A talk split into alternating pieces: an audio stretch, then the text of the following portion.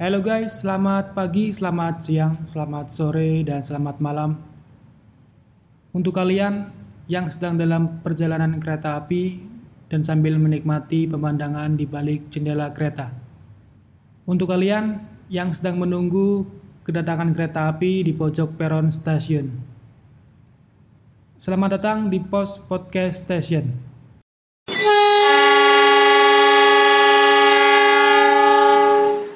Masih bersama saya Wahyudi.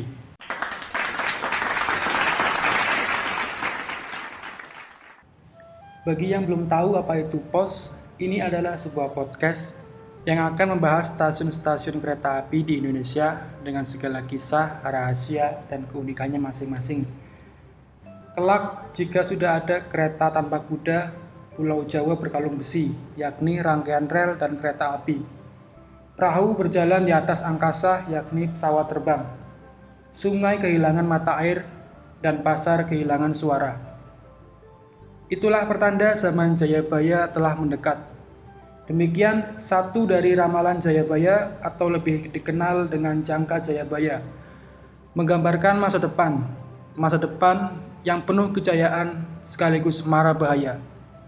Dan ini terbukti pada tanggal 17 Juni 1864 menjadi awal perkeretaapian di bumi Nusantara adalah Gubernur Jenderal Hindia Belanda, Mr. L.A.J. Baron Slot van de Biel, yang melakukan pencangkulan pertama pembangunan jalan kereta di Desa Kemijen dan turut menandai pembangunan stasiun Samarang, stasiun pertama di Indonesia Pembangunan jalur kereta api dengan lebar 1435 mm ini dilaksanakan oleh NISM atau Netherlands Indisch Spoorweg Maatschappij.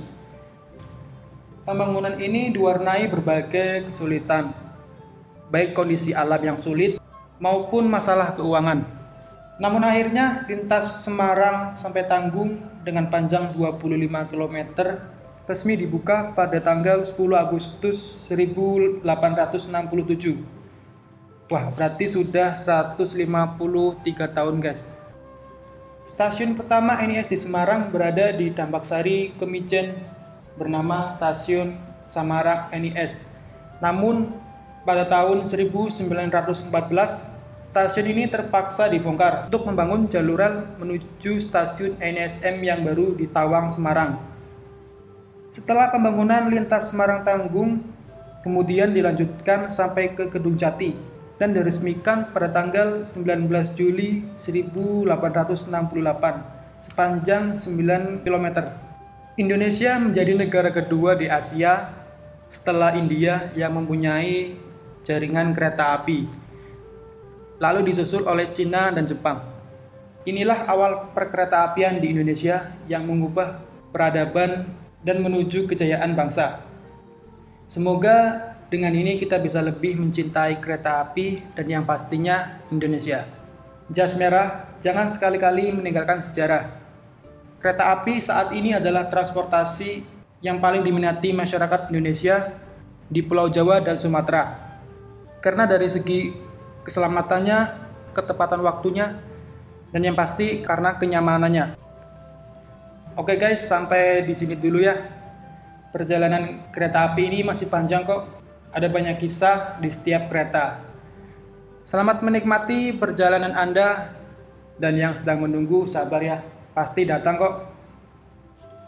Oh iya. Jika kalian menggunakan kereta api di masa pandemi ini, tetap patuhi protokol kesehatan. Tetap pakai masker, cuci tangan, dan jaga jarak. Dan yang pasti selalu jaga kesehatan kita. Terima kasih, sekian dulu episode kedua ini. Nanti sambung di episode berikutnya. Oh ya, stasiun favorit kalian apa nih?